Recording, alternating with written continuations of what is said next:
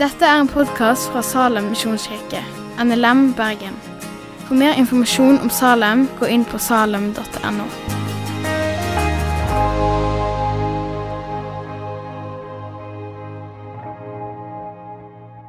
Året, det er 1954.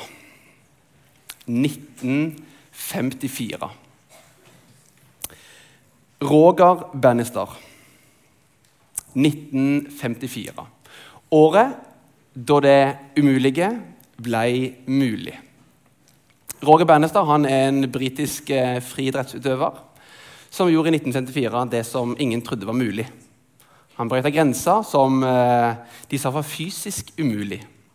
Én en engelsk mil, 1,6 eh, km, under fire minutter. Fire minutters grensa.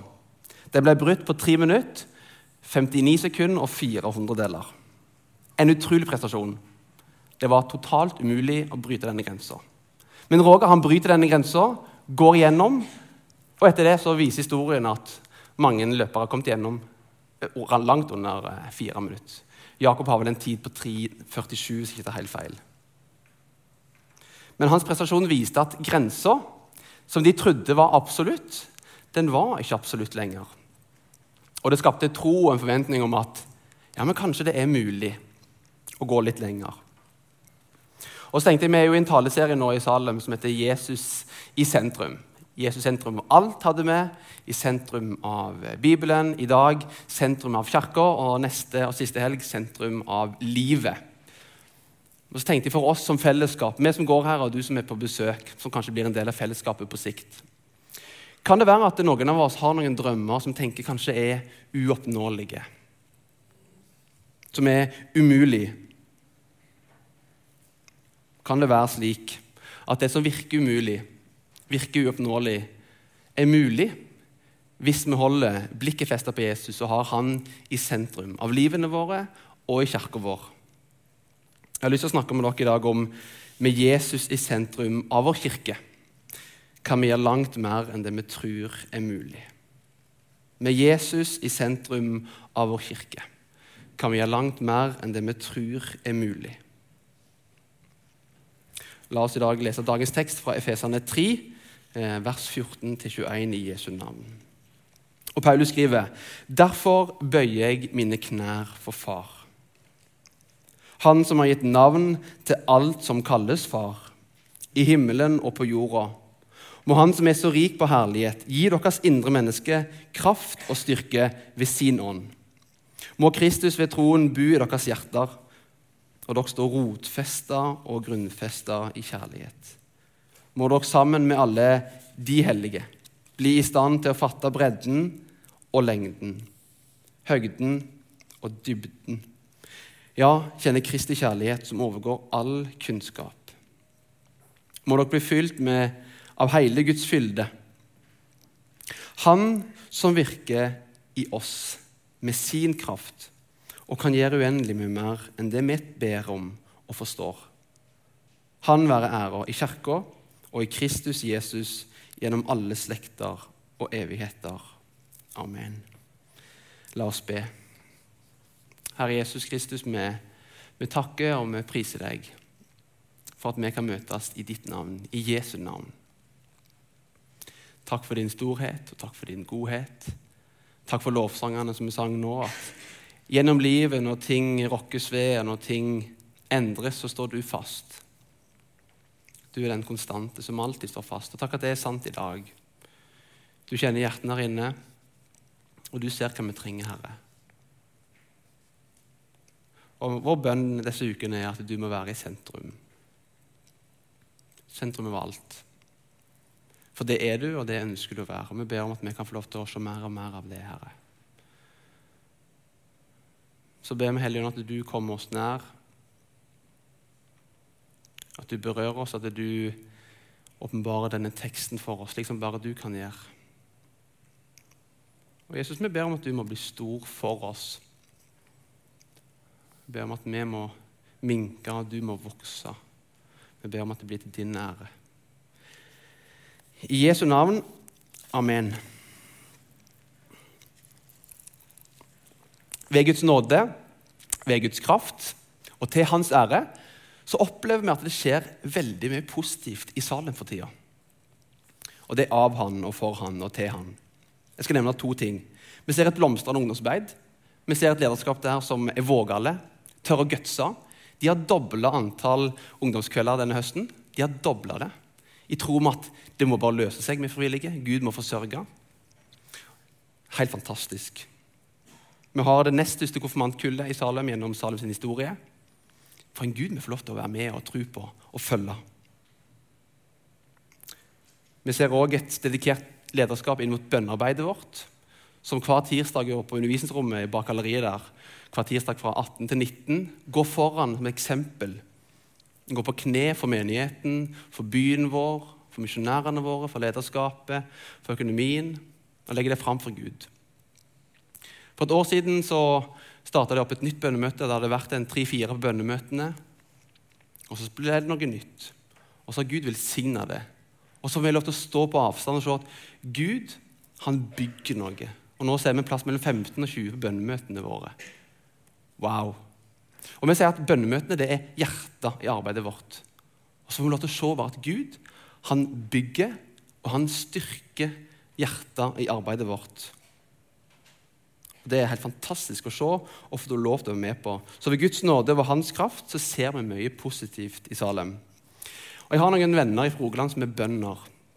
Og som enhver god bonde på denne tida av året så takker han Gud for høsten, for frukten som kommer, og for det Gud gir.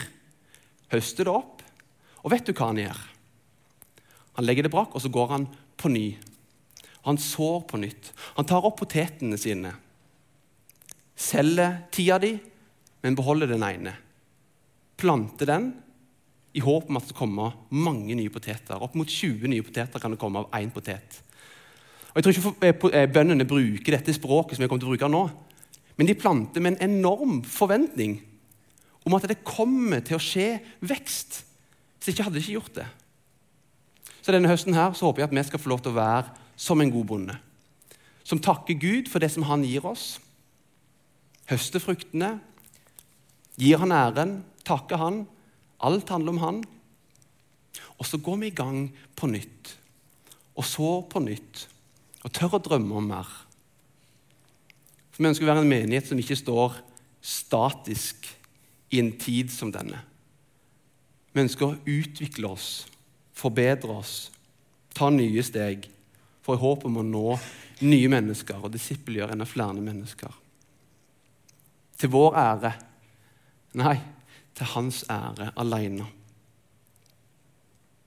Så vi drømmer om å bygge et sånn et stabilt, bærekraftig ungdomsarbeid, hvor de finner tilhørighet og vokser i sin relasjon til Jesus, blir disippelgjort. At vi kan være med å utruste dem til det som møter dem. Hvis du har noen relasjoner som er i videregående alder og nedover, så vet du at de har, de har noe voldsomt i møte. Men vi skal være med å utruste dem og disippelgjøre dem. Og så er det vår bønn at kanskje en dag skal han få lov til å være med og lede en ungdom til Jesus, til Frelseren, som ga sitt liv for dem. Tenk om vi skal få lov til å være med på noe sånt. Men vi erkjenner at i oss sjøl er dette umulig. Og vi drømmer om å bygge et stort og sterkt hjerte for arbeidet vårt. Et stort og sterkt bønnearbeid. For vi vet at i bønn ja, så skjer store ting. Vi vet ikke hvorfor det skjer, vi vet ikke hvordan det skjer, men vi vet at det skjer store ting i bønn. For et år siden så var vi en vågal gjeng som ba om at Gud, vi ber om 20 mennesker på bønnemøtene. Så nå på tirsdagen var der oppe, så var erkjennelsen vår vi må forhøyne våre drømmer. Vi må forhøyne våre bønner. Fordi Gud han har svart våre bønner. Og så ble vi enige litt sånn løst der oppe. Nå ber vi om 30 på bønnemøtene. Vi trenger å forhøyne våre bønner. Men vi ser og erkjenner at i oss sjøl er dette umulig. Men jeg tror dagens tekst indikerer noe. At det ligger en, en forventning der at det kan skje mer ting. Og jeg tror at med Jesus i sentrum så kan vi gjøre langt mer enn det vi tror er mulig. Kanskje kan vi se ungdomsarbeidet vårt fortsette å vokse og utvikle seg. Kanskje kan vi se bønnearbeidet vårt ta nye høyder. Hvem vet? Om ikke er det til Guds ære. Om det skjer, til Guds ære. Men vi velger å være litt sånn fram i skoene, litt framoverlent og tørre å gutse fordi det er faktisk et ganske viktig arbeid. Det er et åndelig og det er et viktig arbeid. Men vi kan drømme så mye vi vil om å nå ut. Men hvis du har sett rundt hjørnet, så er det fotballpub der nede. Vi kommer ikke ned dit engang hvis ikke vi har et sterkt sentrum her inne. Men hvis vi har et sterkt sentrum her inne, så er sky the limit. Vi har gitt et fantastisk oppdrag som er himmelhøyt. Gå ut i hele verden, ikke bare i Ginner og i Salem, men i hele verden gi mennesker til hans disipler. Med Jesus sentrum så tror jeg denne bibelteksten viser oss at vi kan gjøre mer enn det vi tror er mulig. Kanskje er det sånn at vi begrenser Gud mer enn han begrenser oss. Så vi bryter denne setningen opp i to med Jesus i sentrum av vår kirke. Skriver Paulus i vers 17.: Må Kristus ved troen i deres hjerter, og dere står rotfesta og grunnfesta i kjærlighet. Må Kristus bo i hjertene deres. Før vi går inn i det, bare en sånn kjapp parentes. Kirke. Ja, hva var kirke igjen? Er det et bygg? Nei. Er det aktiviteter? Nei. Det er oss. Det er de som er kalt sammen. Det er meg, og så er det deg. De som hører Jesus til og er kommet sammen med fellesskapet. De som er kalt sammen. Og Vi som fellesskap vi ønsker å ha Jesus midt i sentrum her. Og så får det hvis Jesus bare sto midt i midtgangen vår. Lysende, skinnende sterk og rein. Som en påminnelse om at han skal være i sentrum. Og Hvis du har begynt å gå her i salen og se på ditt åndelige hjem, eller om ikke, så vil jeg at du skal se deg til venstre nå litt, og se på siden mannen din. Så kan du se deg til høyre, og så kan du se deg over skulderen bak til høyre. For en fantastisk gjeng.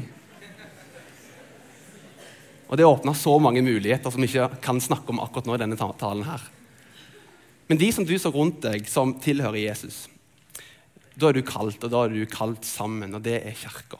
Så vi er dette fellesskapet. Og de du så rundt deg, det er noen nydelige mennesker. Og tenk at jeg og du, og du og sidemannen din, og på høyre, og venstre og bak deg, vi er kalt sammen. Vi er bundet sammen. Vi er kirka. Parentes slutt. Og vi vil at Jesus skal være sentrum i vår kirke. Så ber Paulus at skal, Jesus skal bo i hjertene deres. Han vil at Jesus skal bo i våre hjerter. Og Vi skal ikke ta alle poengene til neste helg der vi snakker om Jesus i sentrum av livet. Men jeg tror det er litt essensielt å snakke om her òg.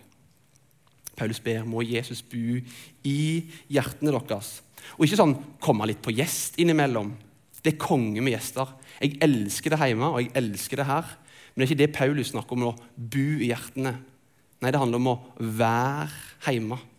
Slå seg ned en plass. Så vi håper at Jesus kan få lov til å slå seg ned i hjertet ditt og bo der. Flytte inn der. Og Jesus sier i Johannes 14, 23, Den som elsker meg, vil holde fast på mitt ord, og min far vil elske dem. Og vi skal komme og bo hos dem. Tenk for et fantastisk løfte. Jesus vil komme og flytte inn og bo hos den som elsker meg og holder fast på hans ord. Så la oss være en flokk, ei kirke, de som er kalt sammen, som holder fast på hans ord og elsker han. Så hvordan får vi Jesus i sentrum av våre kirker? Ja, Kanskje hjelper det med den lille illustrasjonen hvis Jesus sto midt her. Men jeg tror at hvis den enkelte av oss, vi som er kalt sammen, hvis den enkelte har Jesus i sentrum av sine liv Jesus bor i hjertene til den enkelte, og så kommer vi sammen, to eller tre, og i dag er vi litt flere enn tre, og vi kommer med Jesu navn, ja, da tror jeg Jesus vil være midt iblant oss. Og så skriver kong Salomo at vi skal bevare hjertet vårt framfor alt vi bevarer. Så Jesus han har lyst til å ta bolig i ditt hjerte og være der. Kanskje er du her du ikke har Jesus i hjertet. Jesus vil veldig gjerne inn i livet ditt. Hjertet er et bilde på sentrum. Han vil inn i sentrum av livet ditt og bo der. Og hvis han er i hjertet ditt, så ber, eller sier Salomo, bevar det. Hvorfor? Jo, fordi livet ditt går ut ifra det. Og en liten link til bønnemøtene, bønnearbeidet vårt. her oppe og i salen, men også i ditt bønneliv hjemme. Kan vi parafrasere dette og si bevar ditt bønneliv, bevar ditt bønnearbeid. Ja, hvorfor skal jeg det? Jo, fordi livet går ut ifra det. Det går ut ifra en relasjon i bønn til Jesus.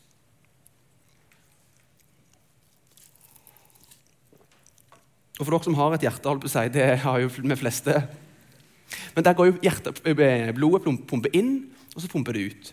Inn og ut. Alt går gjennom hjertet. Det går gjennom sentrum. Og Det snakket vi om de første talene. Sentrum er der du alltid kommer innom. Så vi vil være en menighet der alt skal innom Jesus. Han skal være sentrum av alt. Alt går inn til han, og alt går via han, og alt går gjennom Jesus. Så med Jesus i sentrum av kirka så tror jeg vi kan gjøre langt mer enn det vi tror er mulig. Og Så skriver Paulus i vers 20 så kan vi gjøre langt mer enn det vi tror er mulig. Han som virker i oss med sin kraft og kan gjøre uendelig med mer enn det vi ber om og forstår. Jeg brukte noen minutter for å tygge på den setningen jeg leste. han. Hva mener Paulus med det? Han som virker i oss med sin kraft og kan gjøre uendelig med mer enn det vi ber om og forstår. Hm. Det vi holder på med i hverdagen vår Noen er på bibelskole. Fantastisk. Noen er studenter, kommer til byen for første gang. Det er fantastisk. Noen er helter som kommer tilbake til byen, og noen har vært her en stund.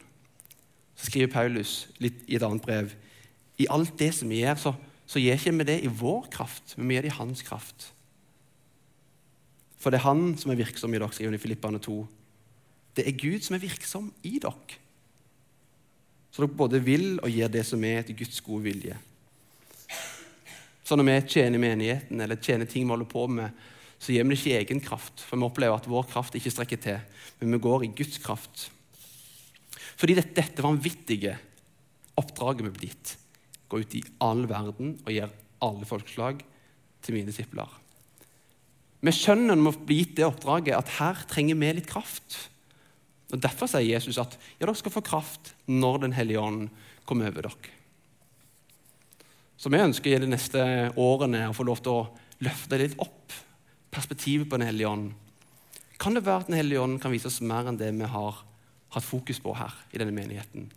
Ikke som en sånn usunn kasmatikk, men bare sånn Hellige Ånd, hvem er du? Hva gjør du i våre liv, og hva kan du gjøre i vår menighet? For det står at vi skal få kraft når Den hellige ånd kommer over dere. Og det står at i hans kraft så kan vi gjøre mer enn det vi tror er mulig. Det vi kan forstå, og det vi ber om. Vi skjønner at vi trenger kraft. Så vi trenger kraft fra Den hellige ånd. Men òg når du får de der gigantiske målene, så blir du sånn handlingslamma. Og jeg og du blir sånn der, yes, Gud i all verden, og da vet jeg akkurat hva jeg skal gjøre. Du kan jo følge med Håkon og Mari til Guinea og bare sjekke om du kan gjøre noe der. Det kan du gjøre. Men for oss andre kan det være sånn der, men hvordan ser det her egentlig ut? For meg, der jeg er akkurat nå. Det kan være litt vanskelig. Så trenger vi å, å bryte det ned i ulike mål, kanskje. Og så er vi, menigheten Salem, prøver å være en del av Kristi kropp, prøver å være en del av Guds store kirke og ha vårt delmål og våre strategier. Men så har jeg lyst til å illustrere noe, fordi Salem er mer enn denne gudstjenesten her. Vi er mer enn bare studenter og unge voksne som møtes lørdagskveld. Før jeg forberedte denne talen, så visste jeg ikke det, men en av våre eldste i menigheten sovna stille inn eh, natt til fredag. Turid Kjølen. Og det blir minner om hun neste søndag. Det er òg en del av oss. Og vi skal nattverde etterpå, og det er, det er det beste jeg vet. Vi stiller oss i en halvsirkel. Og Erlend kommer sikkert til å forklare hvorfor, men jeg skal si det likevel. Og det er fordi at det, Den andre halvsirkelen det er de som har gått foran oss. Og Vi har et fantastisk håp. og Turid blir en del av denne, denne sirkelen. Hun har gått foran sammen med så mange andre. Og når jeg satt for på denne talen, tenkte jeg vi har et fantastisk potensial her. Se for dere hvis denne store flokken, sammen med de eldste, sammen med barna og ungdommene, småbarnsfamiliene, de unge voksne, pensjonistene våre, de eldre, brukte våre styrker i vår tidsgenerasjon for å være til velsignelse for neste generasjon og de under oss. Tenk hva som kunne vært mulig. Og Det har jeg faktisk lyst til å illustrere for deg. hva som kan være mulig hvis vi fungerer som ett arbeidslag mot ett felles mål.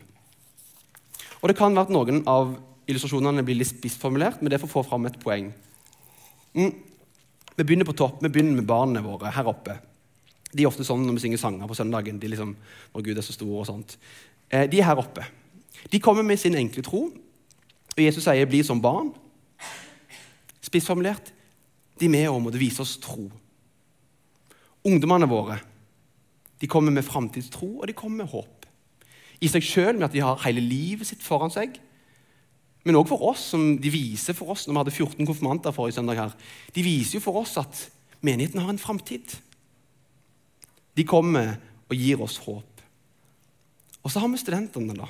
Dere som er her inne. Dere, da. Da kommer vi så mye tid. vet du og fleksibilitet. Det kommer med tro og kraft, om endring og innovasjon. Og så gir dere av tid og tjeneste. Og så er det sant. Det er en fantastisk tid for å tjene Guds rike. Alle jeg snakker med i menigheten som er eldre, jeg snakket med en i dag som 52 år. Det var en fantastisk tid som student.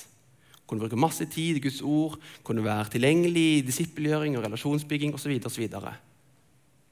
Nå er faktisk tiden inne. Det er nå du er student. Så grip den muligheten. Så det er studentene. De gir av sin tid og sin tjeneste, og så veldig mye mer. da. Det skjønner dere selvfølgelig her inne. da. Og så har vi de unge voksne. Det er sikkert noen av dere her inne òg. De kommer med bitte litt mindre tid enn studentene, men de kommer med minst like mye fleksibilitet. Og så finner De en, de kommer med en utrolig fin balanse mellom det å være ungdom, det å være student og voksenlivet. Så våre unge voksne de kaller jeg for brobyggerne våre. Og vi er helt avhengig av brobyggerne våre. Og så har vi småbarnsfamiliene. Og så har vi småbarnsfamiliene våre. Det står i Guds ord eh, 'fyll jorden og bli mange'. Og Her er det noen som går, går, på Guds ord og fyller jorden og blir mange. Og så tenkte jeg på en ting, Neste gang du ser en gravid dame på elvegudstjenesten våre her, enten at du kommer i morgen eller at du kommer på fellesgudstjeneste, så tenker du du går bort til den personen og så gjør du ikke det som jeg gjorde sist gang. Det var sånn da, Så fantastisk at du blir gravid. Det er så nydelig. Og så sånn herre Ja, jeg fødte for tre uker siden, og du døpte han eh, for tre måneder siden. Ja, sant. Det, det var fint. Ikke gjør det. Eh, det gikk fint den gangen der. Eh, det var Guds nåde. Men det du kan gjøre, du kan gå til den personen og så kan du tenke sånn hm, Det kan være på så godt, det, men det kan også være en graviditet. Og så hvis du går bort til en person spør du, trenger du noe. Og uansett hva den personen spør om, gjør det. Fordi vi kan ikke og vi vil ikke miste det som vi kaller for fabrikken vår. For vår familie, de er fabrikken vår. De er jo det. Vi trenger en fabrikk. Og så har vi eh, familier med store barn.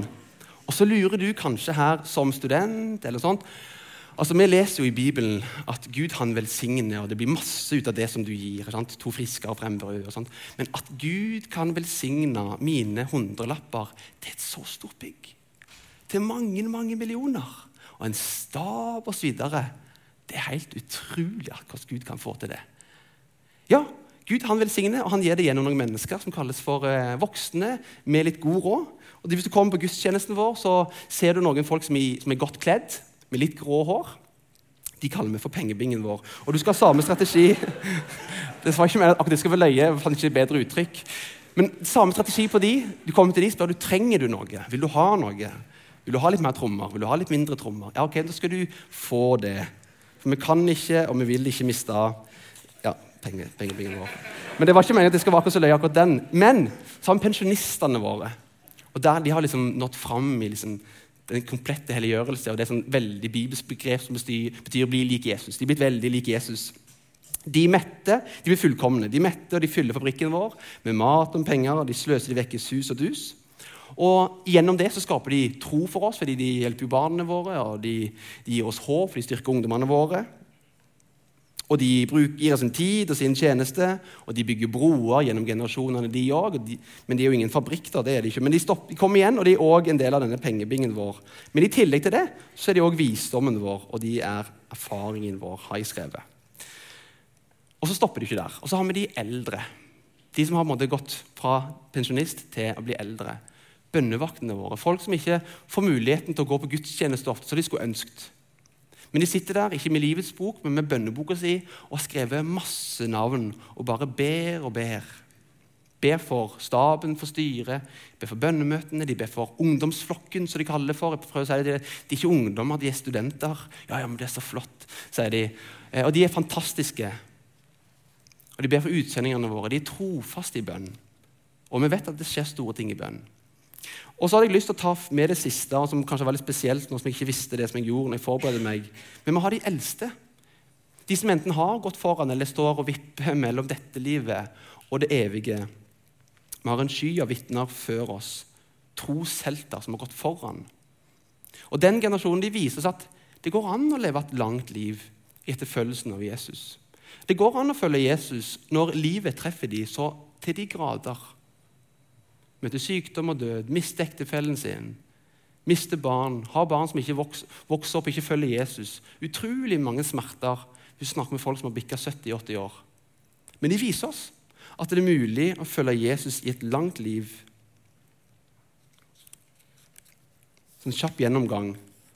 Barna våre gir oss tro. Ungdommene gir oss håp. Studentene forhåpentligvis gir oss sin tid og sine tjenester. Unge voksne de brobyggerne våre. Sårfamilien fabrikken vår. Familier med store barn, pengebingen vår. Pensjonistene, erfaringen og visdommen. De eldre, bønnevaktene våre. Og de eldste viser oss at det går an å leve et langt liv sammen med Jesus. For et fantastisk perspektiv! Og Du skulle nesten trodd at det er for godt til å være sant. Ja, det er mye bedre enn det jeg kunne kommet på min egen kraft. For Gud han har skapt det akkurat sånn. Jesus innstifta dette, og det var meint at det skulle være sånn som dette. Vi skal være en kropp, sier Bibelen. Og vi skal være kropp, lemmer på denne kroppen. Med barna våre, med ungdommene våre, studentene og unge voksne. Vi er en kropp. Og så kan du kutte opp en eh, Det var veldig grotesk, men hvis de ikke, var, de ikke var så sammensatte og var liksom strødd utover et jorde, det hadde ikke vært det samme. Så tok du på kanskje én kroppsdel, funker det litt bedre. Hva ville du tatt da? Pensjonistene og barna, kanskje, eller et eller annet sånt? Nei, du vil jo ha alle delene sammen. Og Det er bare ett perspektiv på denne Kristi kropp. Og Innenfor alle disse ulike aldersspennene så har vi også ulike nådegaver. Men det får bli til en annen tale.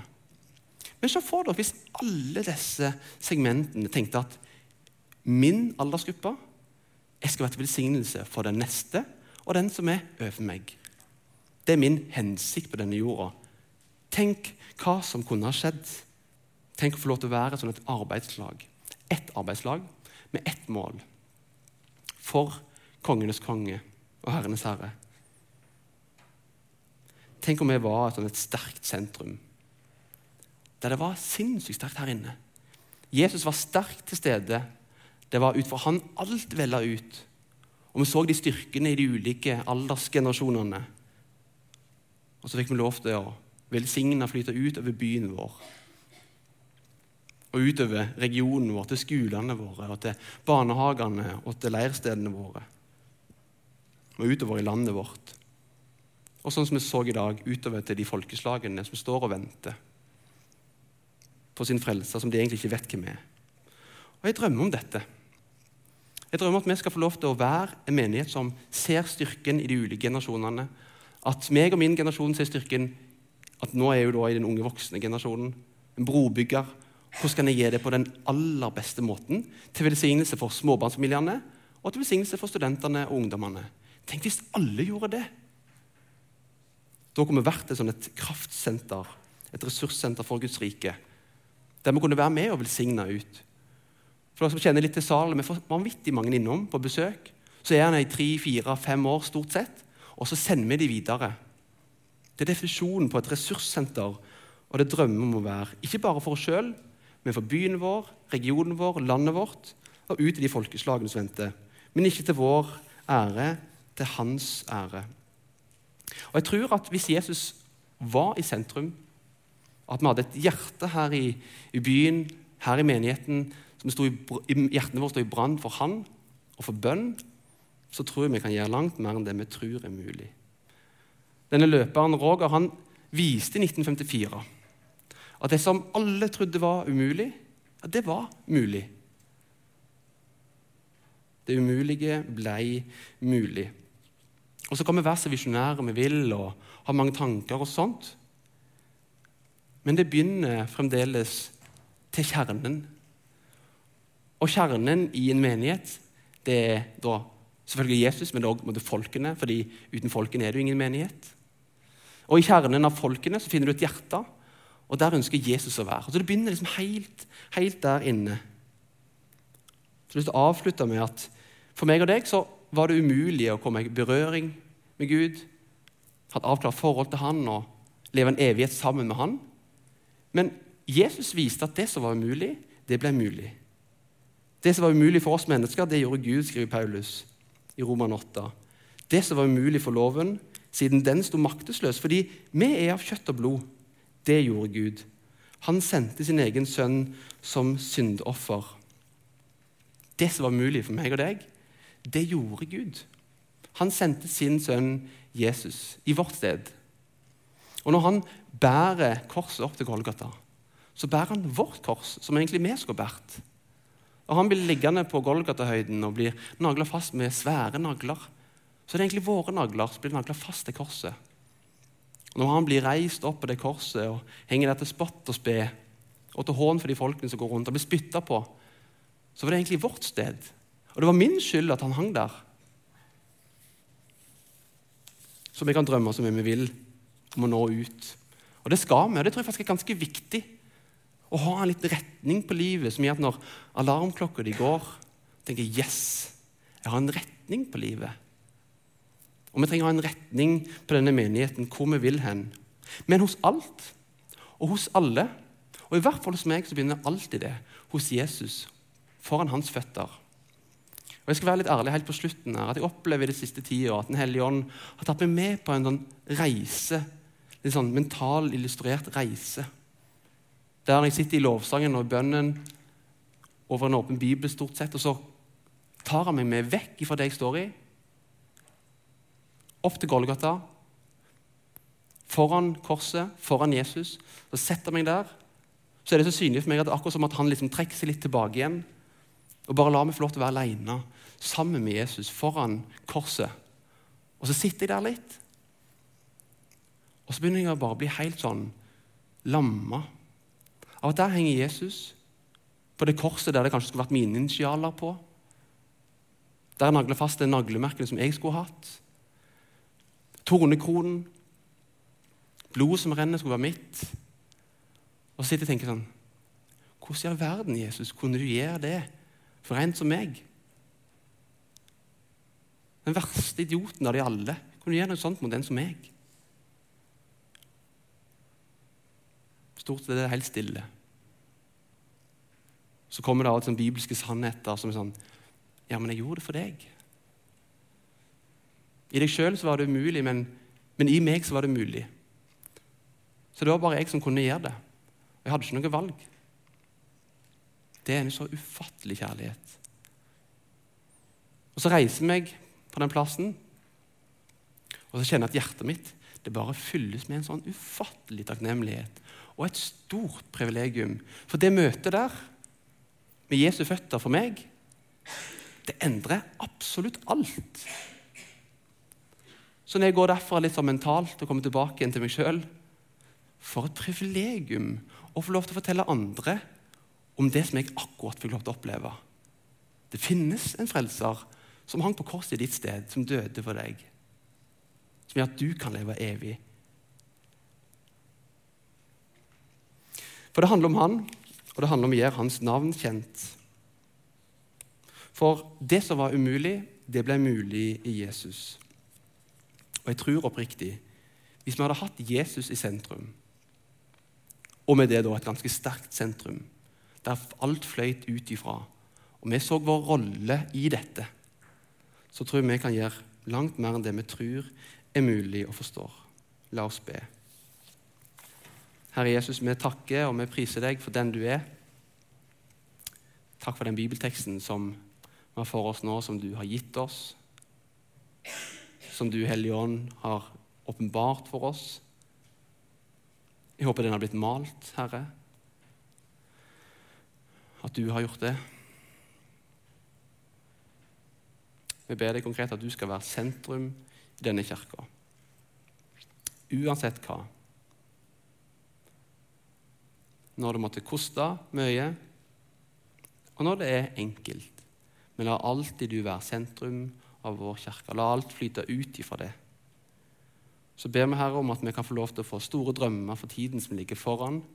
Ikke for oss sjøl, men for i håp om å nå andre mennesker med verdens beste budskaper. Ja, Kanskje ser du akkurat noen nå, noen ungdommer som går rundt og bare leter etter mening med livet, har ingen retning og er depressive, og som egentlig leter til sin frelser. Jeg ber om at du går rett inn til personen akkurat nå, Herre, og led den inn i en eller annen menighet her i byen. Og vil du tro oss for den ungdommen, gi oss visdom og innsikt til å kunne lede den personen til Jesus. For det er det det handler om Jesus. Folk skal få lov til å bli kjent med den du er. Her i Norge, i Etiopia, som blir kjent med i dag, og i resten av verden. Det er av deg, og det er for deg, og det er til deg. Og som slutten av teksten viser oss, du fortjener all ære. Her i denne kirka og ellers. Du fortjener ære. Så Derfor er vi til, og derfor lener vi oss litt fram. Vi er framoverlente, her, Vi ønsker å være litt framme i skoen. Vi ønsker å gi ditt navn kjent. Amen. Takk for at du har hørt på podkasten fra Salem, Bergen. I Salem vil vi vinne, bevare, utruste og sende. Til Guds ære. Vi ønsker å se mennesker finne fellesskap, møte Jesus og bli disippelgjort her i Bergen og i resten av verden. Vil du vite mer om oss, gå inn på salem.no.